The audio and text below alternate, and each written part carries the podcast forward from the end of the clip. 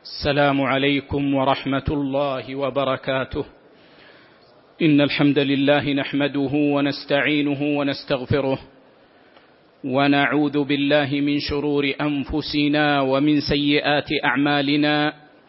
من يهد الله فلا مضل له ومن يضلل فلا هادي له. وأشهد أن لا إله إلا الله وحده لا شريك له. وأشهد أن محمدا عبده ورسوله. يا أيها الذين آمنوا اتقوا الله حق تقاته ولا تموتن إلا وأنتم مسلمون. يا أيها الناس اتقوا ربكم الذي خلقكم من نفس واحدة وخلق منها زوجها وبث منهما رجالا كثيرا ونساء. واتقوا الله الذي تساءلون به والأرحام إن الله كان عليكم رقيبا. يا أيها الذين آمنوا اتقوا الله وقولوا قولا سديدا.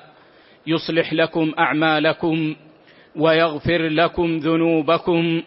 ومن يطع الله ورسوله فقد فاز فوزا عظيما. أما بعد فإن خير الحديث كتاب الله وخير الهدي هدي محمد صلى الله عليه وسلم وشر الأمور محدثاتها وكل محدثة بدعة وكل بدعة ضلالة وكل ضلالة في النار. ثم يا معاشر الفضلاء إن هذه المدينة مدينة رسول الله صلى الله عليه وسلم هاجر إليها النبي صلى الله عليه وسلم فنصره أهلها وعاش فيها صلى الله عليه وسلم ومات فيها وقبر فيها وسيبعث منها إن شاء الله عز وجل.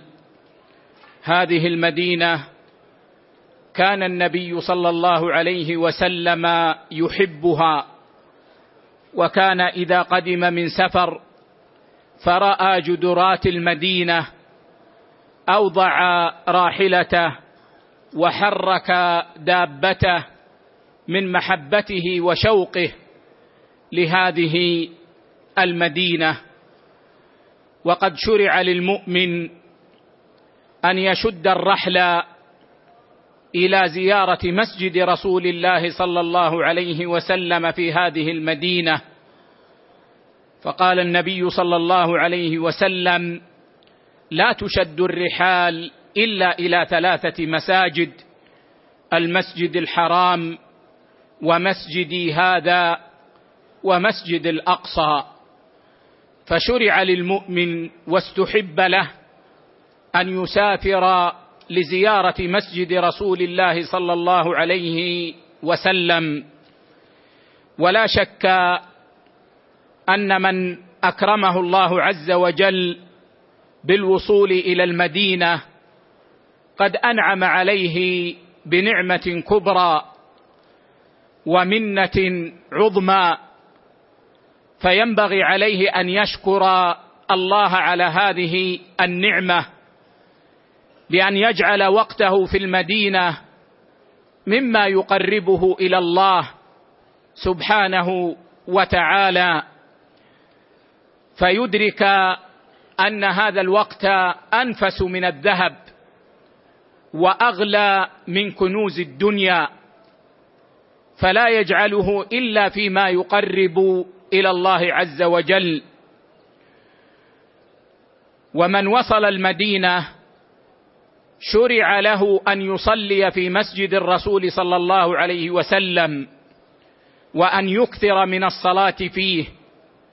كما قال النبي صلى الله عليه وسلم صلاة في مسجدي هذا خير من ألف صلاة فيما سواه إلا المسجد الحرام. كما يشرع له أن يكثر من الجلوس في حلق العلم في مسجد رسول الله صلى الله عليه وسلم فإن من غدا إلى المسجد لا يريد إلا أن يتعلم خيرا أو يعلمه كان له كأجر حاج تاما حجته. ومن أتى مسجد النبي صلى الله عليه وسلم ليتعلم خيرا أو يعلمه كان كالمجاهد في سبيل الله.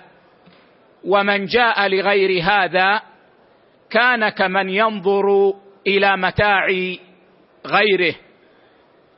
وينبغي على المؤمن وهو في مسجد رسول الله صلى الله عليه وسلم أن يحرص حرصا شديدا على ألا يؤذي المؤمنين في مسجد رسول الله صلى الله عليه وسلم. فإن المسلم من سلم المسلمون من لسانه ويده ومن آذى المؤمنين في طرقهم وجبت عليه لعنتهم فكيف بمن آذاهم في مساجدهم؟ بل كيف بمن آذاهم في ثاني أشرف المساجد على وجه الأرض؟ في مسجد رسول الله صلى الله عليه وسلم. وإن من الأذية الظاهرة التي انتشرت في هذه الأيام مع وجود الهواتف النقالة مع الناس مسألة التصوير. فيقوم بعض الناس بتصوير أنفسهم وقد يصورون غيرهم. وهذا في الحقيقة يؤذي قلوب المؤمنين.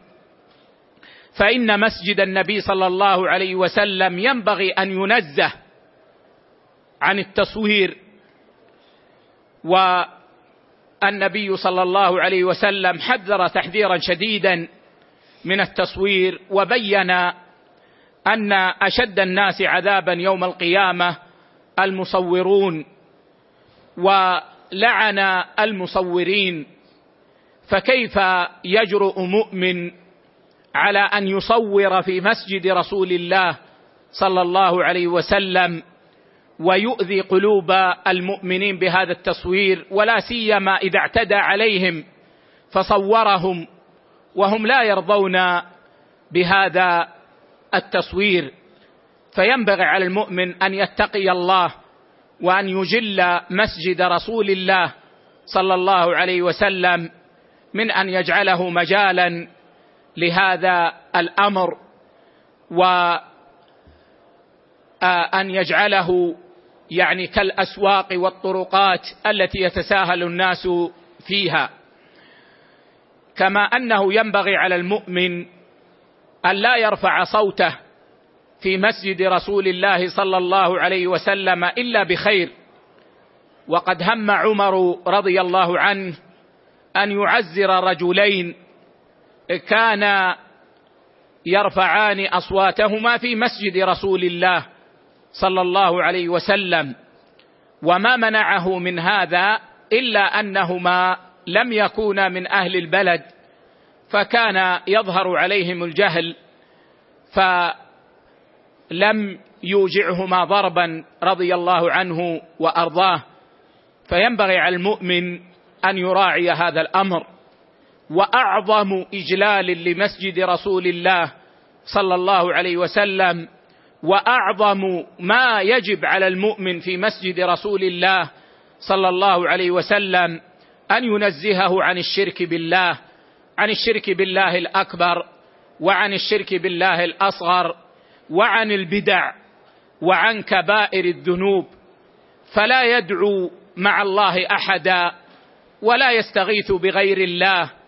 لا يستغيث حتى برسول الله صلى الله عليه وسلم ولا يدعو رسول الله صلى الله عليه وسلم لأن النبي صلى الله عليه وسلم هو الذي علمنا أن الدعاء حق خالص لله عز وجل وأن الاستغاثة حق خالص لله عز وجل ولا يحلف بأبيه ولا بأمه ولا بالنبي في كل مكان لكن الشأن يعظم في مسجد رسول الله صلى الله عليه وسلم. فإن الحلف بغير الله شرك أصغر. وقد قال النبي صلى الله عليه وسلم من حلف بغير الله فقد كفر أو أشرك. أي كفر كفرا أصغر أو أشرك شركا أصغر. كذلك يجتنب البدع. من الأذكار البدعية آه، كالصلوات على النبي صلى الله عليه وسلم التي فيها المنكرات والمحدثات ونحو ذلك. ومن البدع التي يجب على المؤمن أن يجتنبها في مسجد رسول الله صلى الله عليه وسلم أن يتوجه إلى جهة القبر وهو بعيد عنه فيرفع يديه بالدعاء أو يسلم أو يقف خاشعا وهو متوجه إلى القبر. فإن التوجه إلى القبر لم يشرع إلا لمن كان عند القبر. لمن كان عند القبر يشرع إذا وصل إلى القبر أن يتوجه إلى جهة القبر وأن يسلم على النبي صلى الله عليه وسلم. وأما الدعاء عند القبر فقد كان السلف ينهون عن هذا حتى لو كان لله عز وجل. أما التوجه إلى القبر من بعيد فهذا بدعة والدعاء ورفع اليدين والإنسان متوجه إلى القبر هذا بدعة محدثة ينبغي ويجب على المؤمن أن يبتعد منها. كذلك كبائر الذنوب كالهمز واللمز بالإشارة أو بالعبارة وكالغيبة وكالكذب. فإن المؤمن يجب عليه أن أن يتطهر من هذه القاذورات في كل مكان وأن يتنزه عنها.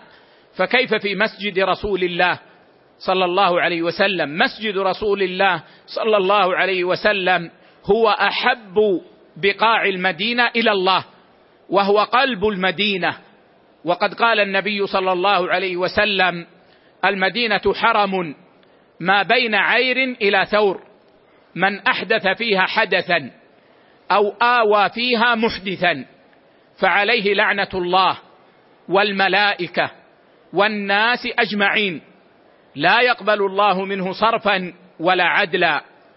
قال العلماء معنى من أحدث فيها أي أشرك فيها أو عمل فيها ببدعة أو ارتكب كبيرة من كبائر الذنوب فيها. فإنه مع عظيم جرمه لعظيم الذنب أصله فإن جرمه يعظم ما دام أنه في المدينة. فتكون عليه لعنة الله فيطرد من رحمة الله. ولا شك أن القادم إلى المدينة إنما يرجو رحمة الله ويريد أن يسلك في من رحمهم الله عز وجل وغفر الله لهم. أما و و و و ولذلك ينبغي عليه أن يبتعد عن الإحداث. من أحدث فيها حدثا فعليه لعنة الله. والملائكة الملائكة تدعو عليه باللعنة. والناس أجمعين فإنه مستحق لأن يلعنه الناس أجمعون. والعياذ بالله. ولا يقبل الله من فرضا ولا نفلا ما دام مقيما على هذا الإحداث. وكذلك إذا أعان عليه ألا فاتقوا الله معاشر المؤمنين يا من أكرمكم الله بالوصول إلى مسجد رسول الله صلى الله عليه وسلم اعرفوا له قدره واعرفوا للنعمة قدرها وتمسكوا فيه بالسنة واحذروا فيه الشرك والبدعة لعلكم ترحمون ولعلكم ترجعون من هذه الزيارة بالرحمات العظيمة والأجور الكريمة. ثم إن درسنا كما تعلمون في عصر الأربعاء هو في أصول الفقه حيث نشرح كتاب الأصول من علم الأصول للعلامه الفقيه الأصولي فقيه زمانه الشيخ ابن عثيمين رحمه الله عز وجل وسائر علماء المسلمين. وسيكون درسنا اليوم عن النسخ في القرآن والسنة فيتفضل الابن خليل يقرأ لنا. بسم الله الرحمن الرحيم. الحمد لله وصلى الله وسلم وبارك على رسول الله وعلى آله وصحبه ومن اهتدى بهداه. اللهم اغفر لشيخنا والمؤلف والسامعين والحاضرين أجمعين. آمين. يقول رحمه الله تعالى النسخ تعريفه النسخ لغة الإزالة والنقل. نعم النسخ في لغة العرب يأتي بمعنى الإزالة. يقال نسخت الشمس الظل. أي أشرقت الشمس فأزالت الظل ويقال نسخت الريح الأثر. أي هبت الريح فأزالت الأثر من فوق الرمال ونحوها. كما يأتي النسخ في لغة العرب بمعنى النقل مع بقاء الأصل.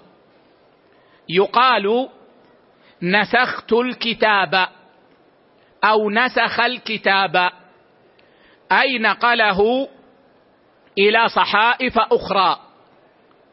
فكتبه في صحائف أخرى فنقل ما في هذا الكتاب إلى تلك الصحائف مع بقاء الأصل. فالكتاب باقي. وبهذه الأمثلة أيها المبارك يظهر لك أن النسخ في لغة العرب يأتي في الحقيقة إلى ثلاثة أو على ثلاثة معان وبقية المعاني ترد إليها. الأول النقل مع بقاء الأصل كما قلنا. يقال نسخ الكتاب أي نقله مع بقاء أصله. والثاني إزالة الشيء وحلول المزيل مكانه. إزالة الشيء وحلول المزيل مكانه. أو بعبارة أخرى كما قال العلماء إزالة شيء بشيء يعقبه. إزالة شيء بشيء يعقبه. كما يقال نسخت الشمس الظل. فإن الشمس إذا نسخت الظل تبقى مكانه وتحل مكانه فيزول الظل وتبقى الشمس. والأمر الثالث إزالة الشيء وإذهابه. من غير أن يعقبه شيء. أي محو الشيء. كما يقال نسخ الماء الكتابة. نسخ الماء الكتابة. كتبت مثلا على زجاج. ثم سكبت الماء على الزجاج.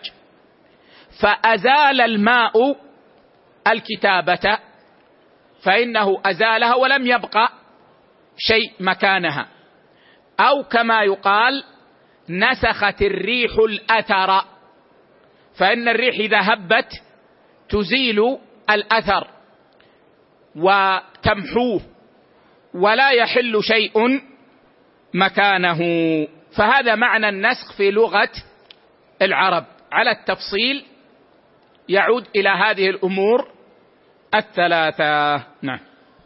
قال رحمه الله تعالى واصطلاحا رفع حكم دليل شرعي أو لفظه بدليل من الكتاب والسنة. نعم عرف العلماء النسخ بتعريفات متعددة. من أحسنها أنه رفع الحكم الشرعي الثابت بخطاب متقدم أو لفظه. بخطاب متراخ عنه. رفع الحكم الشرعي الثابت بخطاب متقدم أو لفظه بخطاب متراخ عنه.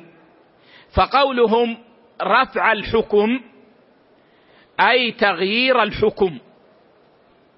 فيغير الحكم مثلا من الوجوب إلى الإباحة أو من التحريم إلى الجواز أو غير ذلك. يغير الحكم. والنسخ رفع للحكم بالكلية. انتبهوا لهذا يا إخوة. النسخ رفع للحكم بالكلية. أي أن كل الحكم يرفع فيه. أما إذا كان الرفع لبعض الحكم فهذا يكون تخصيصا أو تقييدا. يكون تخصيصا أو تقييدا. فلو قال لكم قائل ما الفرق بين النسخ والتخصيص والتقييد يكون الجواب أن النسخ رفع لكل الحكم. أما التخصيص والتقييد فهو رفع لبعض الحكم. رفع لبعض الحكم كما تقدم معنا. وهنا أنبه الإخوة إلى أن النسخ عند السلف كان يطلق على كل رفع للحكم سواء كان رفعا لكل الحكم أو رفعا لبعض الحكم. فإذا وجدت في لسان الصحابة أن هذا منسوخ فاعلم أنه قد يريد التخصيص وقد يريد النسخ الذي اصطلح عليه المتأخرون. اذا النسخ في لسان السلف هو رفع الحكم سواء كان لرفع الحكم كله أو لرفع بعض الحكم. رفع الحكم الشرعي. هذا يشمل الأحكام الشرعية كلها. ويخرج ما ليس حكما شرعيا. كالحكم العقلي البراءة الأصلية. البراءة الأصلية يا إخوة حكم عقلي. يحكم العقل أن الذمة بريئة ما لم يات دليل.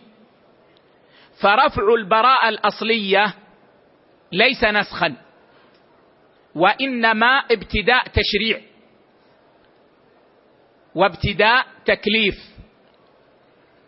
وكالحكم العادي حكم العادة والحكم الحسي فإن هذه لا تدخل في النسخ. رفع الحكم الشرعي الثابت بخطاب متقدم. معلوم عقلا يا إخوة أن الرفع لا يكون إلا لشيء ثابت فالثبوت يسبق الرفع. الثبوت يسبق الرفع. فلا يكون الرفع نسخا إلا إذا كان الحكم ثابتا. ولا بد أن يكون ثبوته بالدليل من الكتاب أو السنة. أما ما كان ثابتا بالبراءة الأصلية فقد قلنا قبل قليل إنه إن رفعه لا يكون نسخا. قلنا رفع الحكم الشرعي الثابت بخطاب متقدم أو لفظه أي لفظ الخطاب. فإن النسخ قد يكون رفعا لللفظ دون الحكم كما سيأتينا إن شاء الله. يعني مثلا كان هناك في القرآن آية تسمى آية الرجم. الشيخ والشيخة إذا زنيا فارجموهما البته نكالا من الله. ثم نسخ لفظها. ولكن حكمها باقي. فالزاني المحصن يرجم. فهذا نسخ لللفظ. ولذلك قلنا أو لفظه. لندخل هذا النوع. وسيأتينا إن شاء الله البيان والتمثيل عندما نتكلم عن أنواع النسخ. بخطاب شرعي. أي أن النسخ لا يكون إلا بدليل من الكتاب أو السنة. لماذا؟ لأن النسخ يا إخوة مقصور على زمن النبي صلى الله عليه وسلم. لا نسخ بعد موت النبي صلى الله عليه وسلم. في زمن الوحي كان الله عز وجل ينسخ ما يشاء ويثبت بالوحي. فلما مات النبي صلى الله عليه وسلم انقطع النسخ. فليس لأحد أن يأتي ويقول هذه الآية منسوخة. ولم تكن منسوخة في زمن النبي صلى الله عليه وسلم. ابدا. ولذلك كل من ادعى النسخ يجب أن نطالبه بالدليل من الكتاب والسنة. فإن جاء بالدليل من الكتاب والسنة قبلنا وإلا رددنا كلامه. متراخ عنه. ما معنى متراخ عنه؟ يعني أن زمنه متأخر عن زمن الدليل المثبت لأصل الحكم. فلا يكون مقارنا له. لأنه إذا كان مقارنا فهذا بيان. وليس نسخا فلا بد أن يكون الخطاب الرافع متاخرا عن الخطاب المثبت أصلا. في النسخ يا إخوة عندنا ناسخ ومنسوخ. عندنا ناسخ ومنسوخ. فما الناسخ الناسخ يطلق على أمرين. الأمر الأول أن الناسخ هو الله عز وجل. كما قال الله عز وجل ما ننسخ من آية. الآية. فالناسخ يطلق على الله عز وجل. والثاني الخطاب المتأخر الذي يرفع الحكم المتقدم. فإنه يسمى ناسخا. وأما المنسوخ فهو المرفوع بالدليل المتأخر سواء كان حكما أو لفظا كما قدمنا وكما سيأتي إن شاء الله عز وجل. نعم. قال رحمه الله تعالى فالمراد بقولنا رفع حكم أي تغييره من إيجاب إلى إباحة أو أو من إباحة إلى تحريم مثلا. نعم. يعني أنه تغيير للحكم. فلم يبقى الحكم أصلا. فلم يبقى الحكم أصلا. بل غير إلى حكم آخر. نعم. قال رحمه الله فخرج بذلك تخلف الحكم لفوات شرط أو وجود مانع. نعم من المعلوم يا إخوة وهذه قاعدة يجب أن لا ت... يعني تغيب عن أذهاننا وقد قررناها سابقا. أن الحكم لا يثبت إلا إذا وجدت شروطه وانتفت موانعه. الحكم لا يثبت إلا إذا وجدت شروطه وانتفت موانعه. فلو أن انسانا قال أريد أن أصلي المغرب الآن. قال أريد أن أصلي المغرب الآن. نقول له لا لا يجوز أن تصلي المغرب. قال لماذا؟ والله أمرنا بأن نصلي المغرب وأنا أريد أصلي المغرب. نقول لأن شرط دخول الوقت لم يوجد. فلا يثبت حكم صلاة المغرب الآن. ولو أن امرأة حائضا. قالت أريد أن أصوم الخميس غدا. أريد أن أصوم الخميس غدا. قلنا لها لا ما يجوز. لا يجوز. قالت كيف؟ ومن السنة أن يصام الخميس. نقول لوجود مانع فيك وهو الحيض. اذا كل حكم لا يثبت حتى تجتمع شروطه وتنتفي موانعه. فإذا تخلف شرط فإن الحكم لا يثبت. هل هذا نسخ؟ الجواب لا ليس نسخا. لماذا؟ لأن الحكم باقي.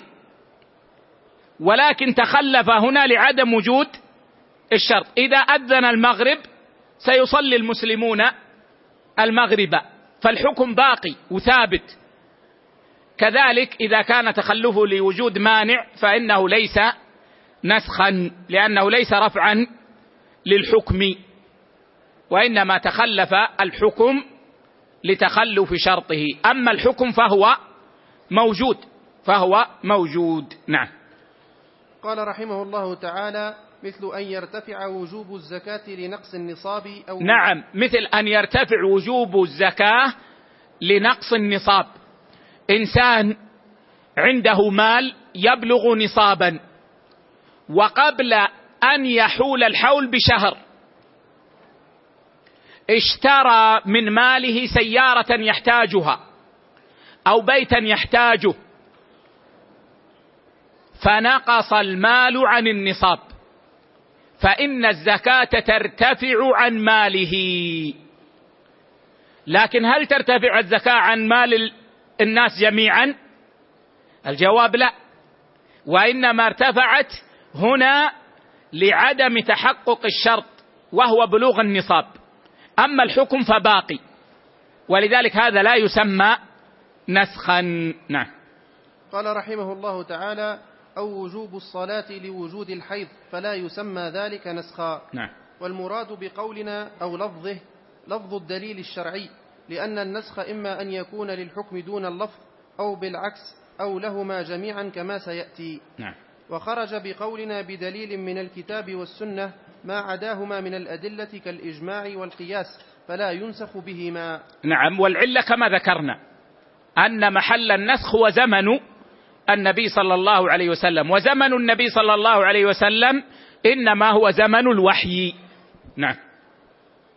أحسن الله إليكم. قال رحمه الله والنسخ جائز عقلا وواقع شرعا. طبعا هذا التعريف الذي ذكره الشيخ تلحظون أنه فقد آه، آه، آه، قيدا لابد منه وهو تراخي الخطاب الرافع. ولذلك هذا التعريف ناقص التعريف الذي ذكره الشيخ ناقص لفقده هذا القيد الذي لا بد منه. نعم. أحسن الله عليكم. قال رحمه الله تعالى والنسخ جائز عقلا وواقع شرعا. اتفقت الأمة على أن النسخ في القرآن والسنة جائز عقلا فلا يمنع منه العقل وواقع شرعا ولم يخالف في ذلك إلا بعض غلاة أهل البدع من المتقدمين ومن المعاصرين. بعض غلاة أهل البدع من المتقدمين انكروا وقوع النسخ. واليوم هناك من غلاة أهل البدع من يظهرون في التلفاز ويقيمون البرامج ويقولون لا نسخ في القرآن وينكرون وقوع النسخ. وإنكار وقوع النسخ من علامات أهل البدع. وهو ليس علامة لكل أهل البدع بل أكثر أهل البدع يثبتون النسخ. لكن بعض غلاة أهل البدع ينكرون النسخ في القرآن والسنة. فمن وجدته ينكر النسخ في القرآن والسنة فهذا دليل على أنه من أهل البدع. بل من غلاتهم. بل من غلاتهم. نعم. قال رحمه الله أما جوازه عقلا فلأن الله بيده الأمر وله الحكم لأنه الرب المالك فله أن يشرع لعباده ما تقتضيه حكمته ورحمته. وهل يمنع العقل أن يأمر المالك مملوكه بما أراد؟ نعم الشيخ دلل على الجواز العقلي بأمرين. الأمر الأول هذا الذي ذكره. وهو أن الله عز وجل هو الذي خلق الخلق كلهم وخلق الناس كلهم وخلق الجن كلهم وكلفهم وأوحى إلى الرسل بأمره سبحانه وتعالى فالله هو المالك وهو السيد والأمر كله له من قبل ومن بعد في الدنيا والأخرى. الأمر كله لله. فهل يمنع عقل عاقل أن يتصرف المالك في ملكه بما يريد؟ وأن يأمر السيد عبده بما يريد وأن يأمره بأمر ثم يأمره بأمر غيره العقل لا يمنع من هذا بل الواقع عند العقلاء يدل عليه مع أن سيادة الناس ناقصة. فكيف بالسيد المطلق سبحانه وتعالى والمالك المطلق سبحانه وتعالى. نعم.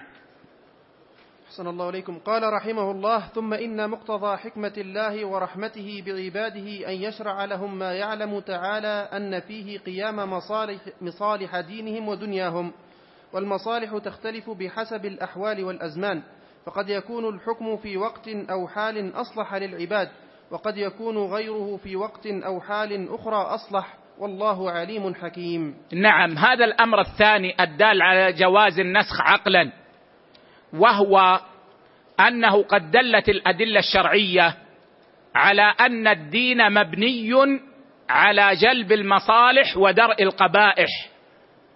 فالدين مبني على جلب المصالح ودرء المفاسد. وهذا من رحمة الله بنا أنه مع أن حقه سبحانه أن نعبده وأن نطيعه لم يأمرنا في عبادتنا ولا في سائر أمورنا إلا بما فيه مصلحتنا. العاجلة والآجلة في الدنيا والآخرة. والله ثم والله. إن مصلحتك يا عبد في أن تصلي. إن مصلحتك العاجلة اليوم في أن تصوم. إن مصلحتك العاجلة في أن تزكي. وكذلك الآجلة يوم القيامة. فالله عز وجل من رحمته أمرنا بما فيه مصلحتنا ونهانا عما فيه مضرتنا. وما دام ذلك كذلك فإن العاقل يدرك أن الشيء قد يكون في مكان مصلحة أو في زمان مصلحة وفي زمان آخر تكون المصلحة في غيره. فالله عز وجل أمر أمة محمد صلى الله عليه وسلم ببعض الأمور لأن المصلحة كانت في ذلك الوقت فيه في تلك الأمور. ثم تغير الأمر فصارت المصلحة في أمر آخر فلم يجعل الله عز وجل الأمر ثابتا على الأول. بل ينسخ الأول بما فيه مصلحة في ذلك الزمان. ثم إذا ثبت فهو فيه مصلحة الأمة إلى أن يرث الله الأرض ومن عليها. نعم. أحسن الله إليكم. قال رحمه الله تعالى وأما وقوعه شرعا فلأدلة منها قوله تعالى ما ننسخ من آية أو ننسها نأتي بخير منها أو مثلها. نعم. أما وقوع النسخ شرعا فلا شك فيه. لا يشك فيه من يتدبر القرآن والسنة.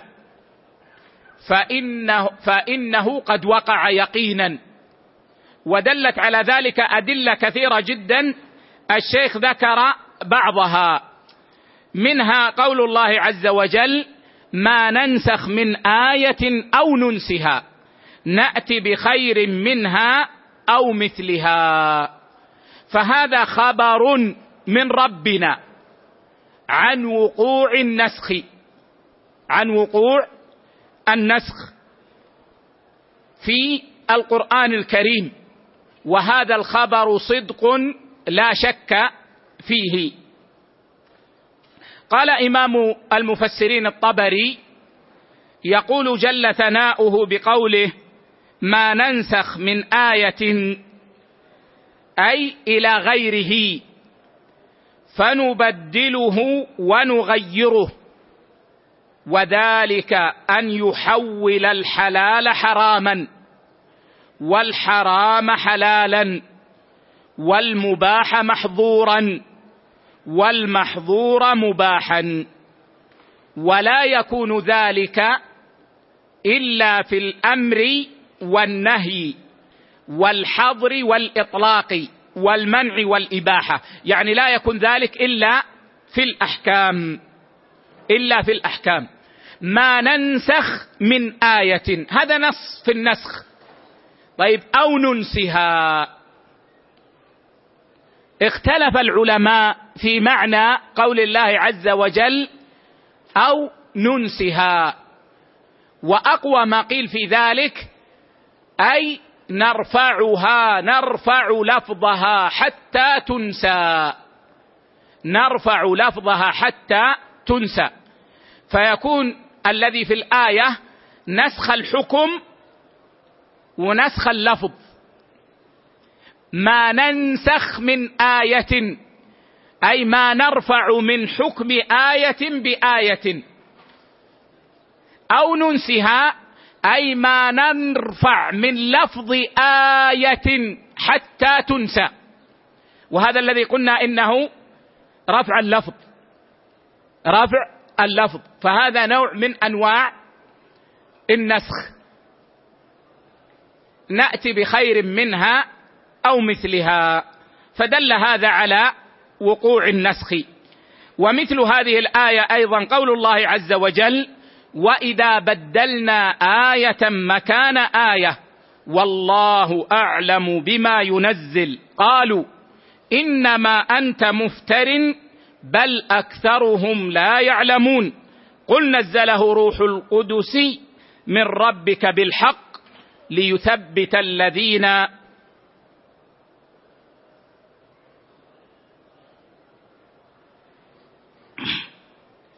ليثبت الذين آمنوا وهدى وبشرى للمسلمين.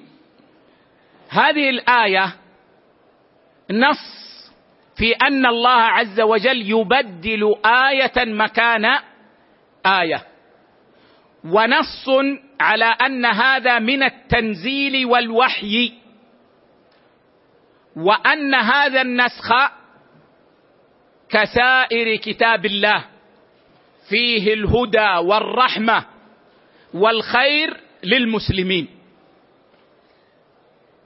فالنسخ فيه الرحمة بأمة محمد صلى الله عليه وسلم فدل ذلك على وقوع النسخ. وقد ذكر المفسرون أن التبديل هنا بمعنى النسخ. نعم. قال رحمه الله تعالى ثانيا قوله تعالى الآن خفف الله عنكم. نعم. وقوله فالآن باشرهن فإن هذا نص في تغيير الحكم السابق. نعم. وقع النص في القرآن ومن وقوع النص في النص في القرآن ما وقع في هاتين الآيتين. في الآية الأولى قال الله عز وجل يا أيها النبي حرض المؤمنين على القتال. إن يكن منكم عشرون صابرون يغلبوا مئتين. وإن يكن منكم مئة يغلبوا ألفا من الذين كفروا بأنهم قوم لا يفقهون. هذا الخطاب الأول. أوجب الله على المسلم في قتال الكفار أن يثبت أمام العشرة من الكفار. أوجب الله على المسلم في قتال الكفار أن يثبت أمام العشرة من الكفار. فلا يجوز له أن يفر من أمام العشرة. لا يجوز له أن يفر من أمام العشرة. ثم قال الله عز وجل الآن خفف الله عنكم. وعلم أن فيكم ضعفا فإن يكن منكم مئة صابرة يغلبوا مئتين وإن يكن منكم ألف يغلبوا ألفين بإذن الله والله مع الصابرين. بعد أن أوجب الله على المسلم أن يثبت أمام العشرة من الكفار في القتال بعد ذلك بزمن نزلت هذه الآية. الآن في هذا الوقت قد علم الله فيكم ضعفا. فنسخ الحكم السابق. وأوجب على المسلم أن يثبت في القتال أمام كافرين. ولا يحل له أن يفر أمامهما. فنسخ من وجوب الثبات أمام العشرة إلى وجود وجوب الثبات أمام اثنين. وهذا نص في النسخ. نص في النسخ. أيضا قال الله عز وجل في الآية الثانية أحل لكم ليلة الصيام الرفث إلى نسائكم. هن لباس لكم وأنتم لباس لهن.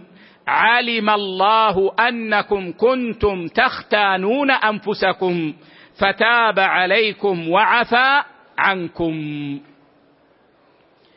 كان الحكم في أول ما وجب صيام رمضان. الا يجامع الرجل امرأته في رمضان كله. منذ أن يدخل هلال رمضان يحرم على الرجل أن يجامع امرأته. لا في ليل ولا في نهار. إلى أن يرى هلال شوال. ثم خفف الحكم بأن الرجل إذا أفطر عند الغروب يجوز له أن يجامع أهله يجامع امرأته بشرط الا ينام قبل ذلك. فان نام حرمت عليه إلى المغرب التالي.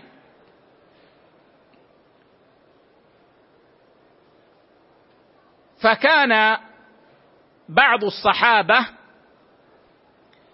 قد جامع امرأته بعد أن نامت.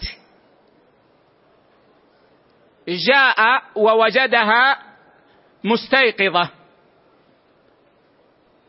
يعني غاب عنها بعد المغرب وجاء بعد ذلك فوجدها مستيقظة. فدعاها إلى الفراش. فقالت إني كنت قد نمت. اذا صار حراما الجماع. فظنها تتعلل حتى لا تجيبه. لأنه وجدها مستيقظة وهي تقول لها أنا كنت نمت فوقع عليها.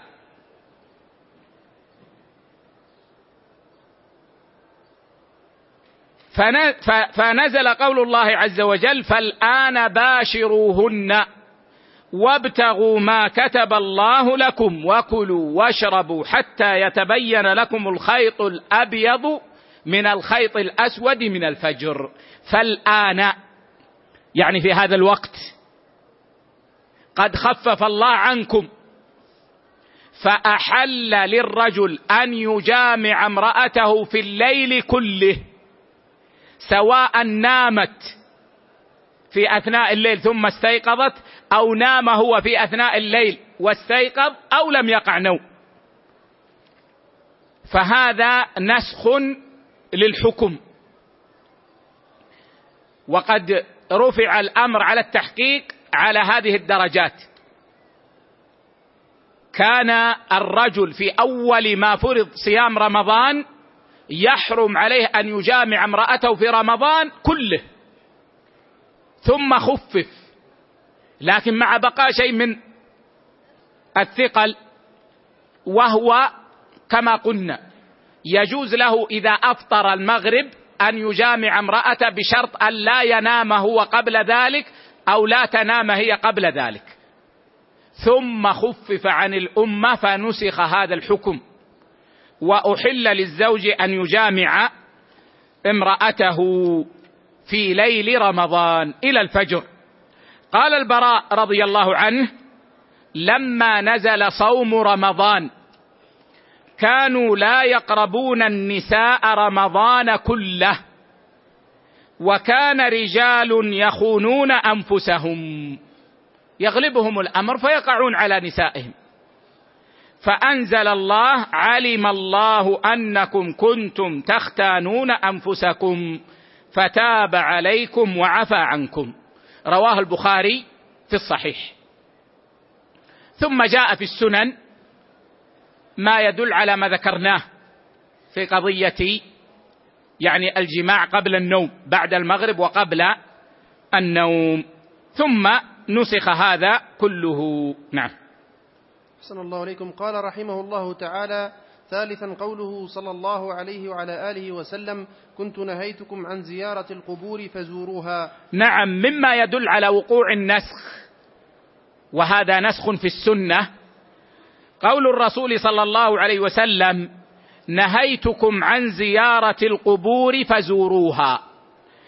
ونهيتكم عن لحوم الأضاحي فوق ثلاث فأمسكوا ما بدا لكم.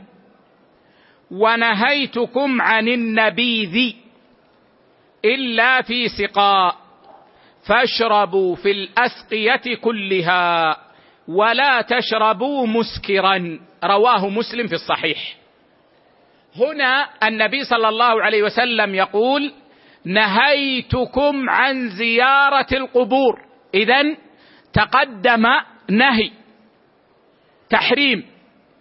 كان يحرم على الرجال أن يزوروا القبور.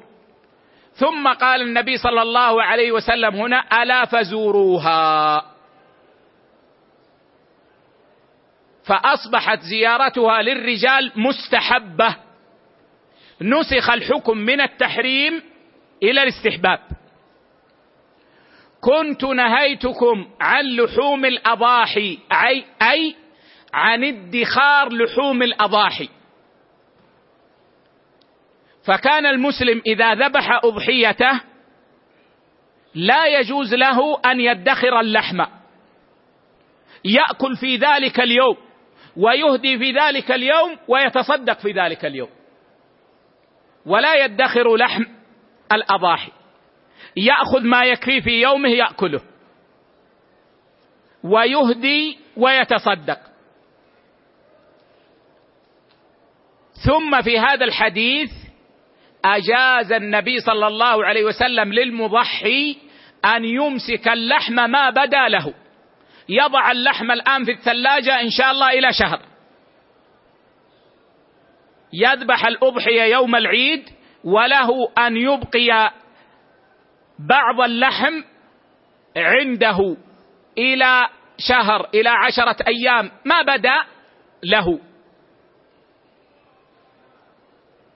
وكان النبي صلى الله عليه وسلم نهى عن الانتباذ إلا في الأسقية التي هي من الجلد. نهى عن الانتباذ مثلا في الدباء. الدباء معروف نبت الدباء. هذا النبت كانوا يقطعون الرأس وهو مجوف من الداخل يخرجون ما فيه. ثم يضعون فيه الماء وينتبذون التمر. يضعون التمر في الماء. طبعا هذا يؤدي في الغالب إلى أن يتغير إلى أن يصبح مسكرا. ففي البداية نهى النبي صلى الله عليه وسلم عن الانتباد إلا في الأسقية. ثم أجاز النبي صلى الله عليه وسلم النبيذ في كل إناء.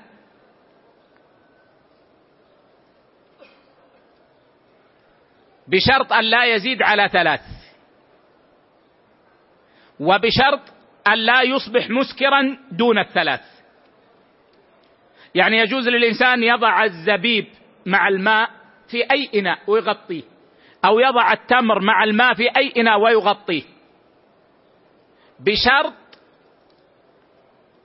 ألا يصبح مسكرا ولو بعد يومين. إذا أصبح مسكرا حرم أن يشرب.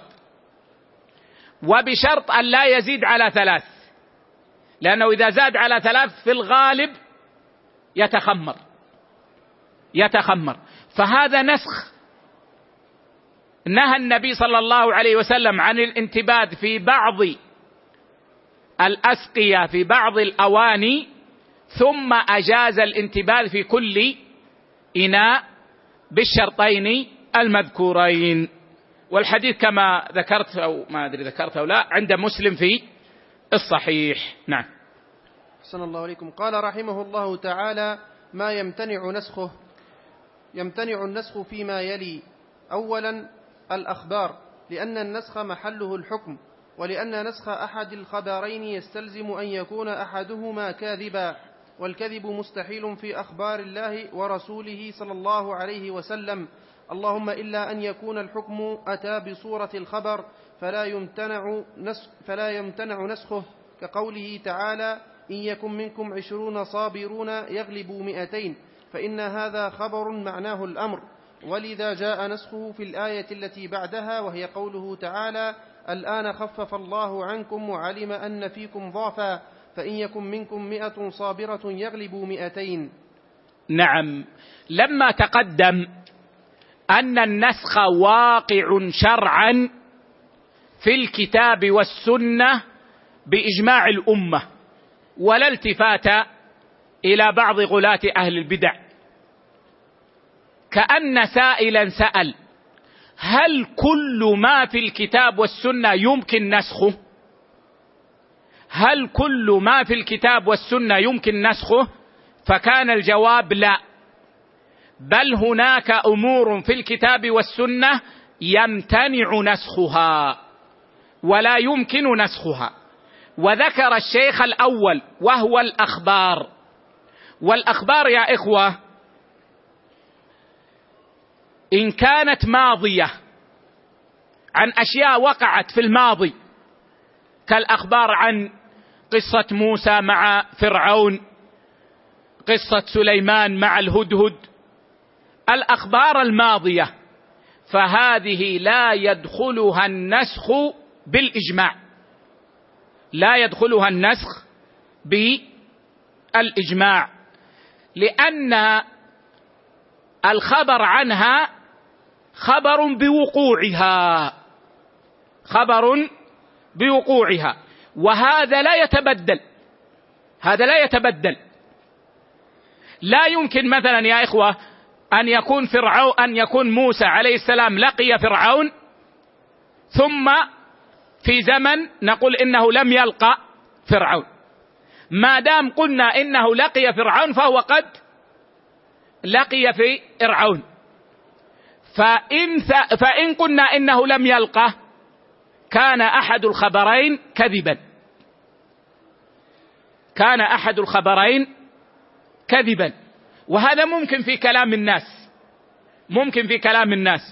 ممكن أن يأتينا شخص ويقول أنا لقيت الشيخ فلان. وقال لي كذا وكذا وكذا. ثم بعد فترة ينسى ما قال. ويقول أنا في زيارة الأخيرة لم ألقى الشيخ فلان.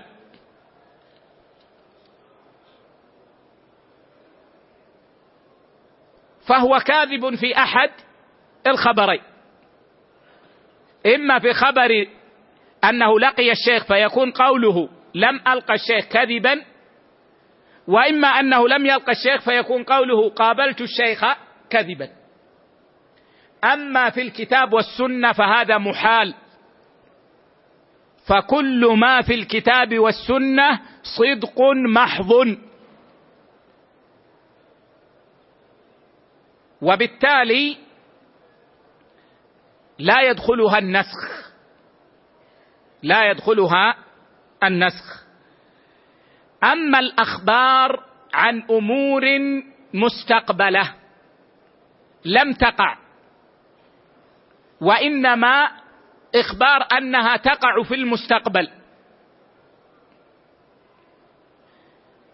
فهذه الأخبار عند جماهير العلماء من السلف والخلف. لا يدخلها النسخ أيضا. لا يدخلها النسخ أيضا. لأن تغير الخبر كذب وهذا محال في الكتاب والسنة. وذهب بعض أهل العلم إلى أنه يدخلها النسخ. وقالوا إن هذا قد وقع. قلنا لهم اذكروا لنا كيف وقع.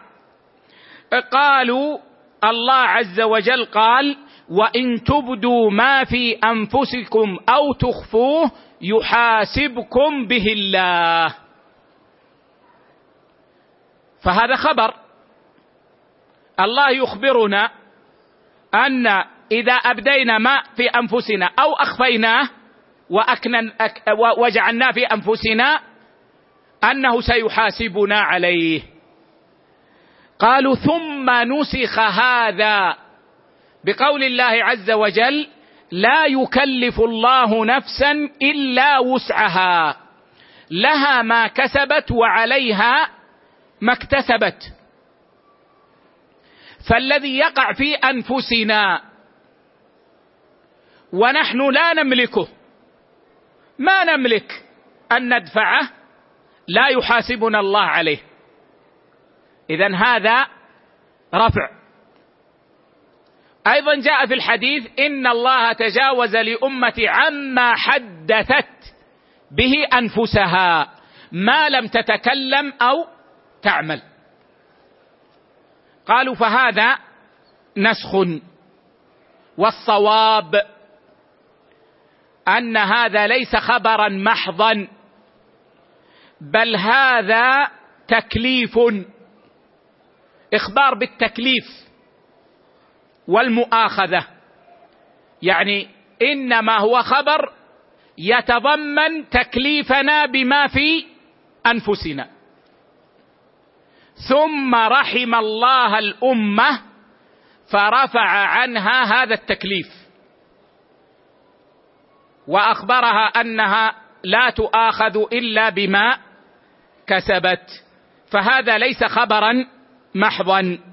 ولذلك الصواب ما عليه جماهير العلماء أن الأخبار سواء كانت ماضية أو مستقبلة لا يدخلها النسخ ولا يدخلها الرفع. قال الشيخ اللهم الا ان يكون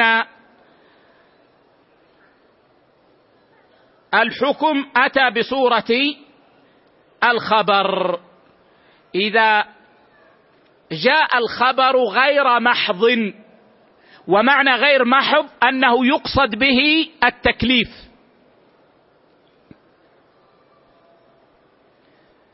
فجاء بصوره الخبر والمراد الأمر أو النهي. مثال ذلك قول الله عز وجل قال تزرعون سبع سنين دأبا. قال تزرعون سبع سنين دأبا. هذا اللفظ خبر.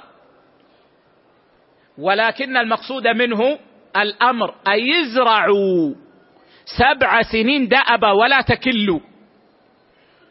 فهذا خبر أريد منه الأمر. كذلك قول الله عز وجل الزاني لا ينكح إلا زانية أو مشركة والزانية لا ينكحها إلا زان أو مشرك. هذا خبر. الصورة صورة خبر لكن المراد النهي نهي المؤمن العفيف أن يتزوج الزانية. ونهي المؤمنه العفيفة أن تتزوج الزاني. فهذا في صورته خبر ولكن المراد منه الأمر أو النهي. فهذا خبر غير محض. والأخبار غير المحضة يمكن أن يدخلها النسخ. ومثل الشيخ لهذا بمثال ذكرناه في أول الكلام. إن يكن منكم عشرون صابرون يغلبوا مئتين. هذا خبر. ولكن المقصود منه التكليف والأمر بالثبات. أي إذا لقيتم ما يساوي عشرة أمثالكم فاثبتوا. إذا لقيتم ما يساوي عشرة أمثالكم من الكفار أو أقل فاثبتوا. فهذا خبر أريد منه الأمر. ثم نسخ هذا بقول الله عز وجل الآن خفف الله عنكم وعلم أن فيكم ضعفا. فإن يكن منكم مئة صابرة يغلبوا مئتين. فهذا أيضا خبر بمعنى التكليف والأمر. أي إذا لقيتم ضعفيكم من الكفار فاثبتوا. فهذه أخبار في ظاهرها لكنها في حقيقتها أوامر أو نواهي. فهذه تقبل النسخ. اذا لو سألك سائل هل الأخبار تقبل النسخ؟ هل الأخبار في القرآن والسنة تقبل التغيير؟ الجواب أما الأخبار المحضة فلا تقبل النسخ. سواء كانت ماضية أو كانت مستقبلة. الأخبار التي يراد منها الخبر عن شيء. وقع أو سيقع. وأما الأخبار غير المحضة التي صورتها صورة الخبر. والمراد منها التكليف بأمر أو نهي بمطلوب أو منهي عنه فهذه يدخلها النسخ لأنها متعلقة بالأحكام. والنسخ يتعلق بالأحكام. ولعلنا نقف عند هذا الموطن وأعتذر عن إجابة الأسئلة. نجيب إن شاء الله في الدرس القادم. غدا يوم الخميس لن أجلس إن شاء الله والجمعة في العصر سنجلس إن شاء الله وما بعد يوم الجمعة من الأيام سنجلس. درسنا عصر الجمعة إن شاء الله هو في شرح دليل الطالب في الفقه إن شاء الله عز وجل. أسأل الله لي ولكم الفقه في الدين والفوز بالأجور العظيمة والله أعلم. وصلى الله على نبينا وسلم.